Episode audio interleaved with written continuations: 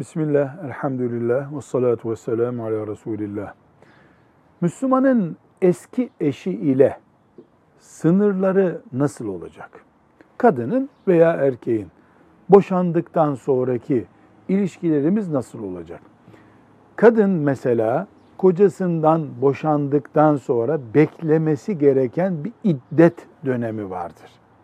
Üç aybaşı dönemi yani üç hayız dönemini iddet olarak bekler. Bu dönemde eşlik ilişkisi devam etmiyor olsa bile bağlantı ya da şöyle bir ifadeyle resmi bağlantı, dini bağlantı devam ediyordur.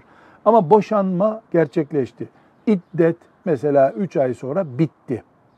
Bundan sonra herhangi bir kadınla o kadının yani boşanmış kadının hiçbir farkı yok. Yüzde yüz birbirlerine yabancıdırlar. Arada bir çocuk var mesela veyahut da ekonomik ilişkiler var. Bunlar gö- görüşülür, konuşulur ama iki yabancı konuşur gibi.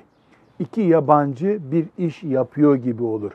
Eskiden eşimdi diye bir gevşekliğe müsaade yok. Aynı evde kalmaya müsaade yok.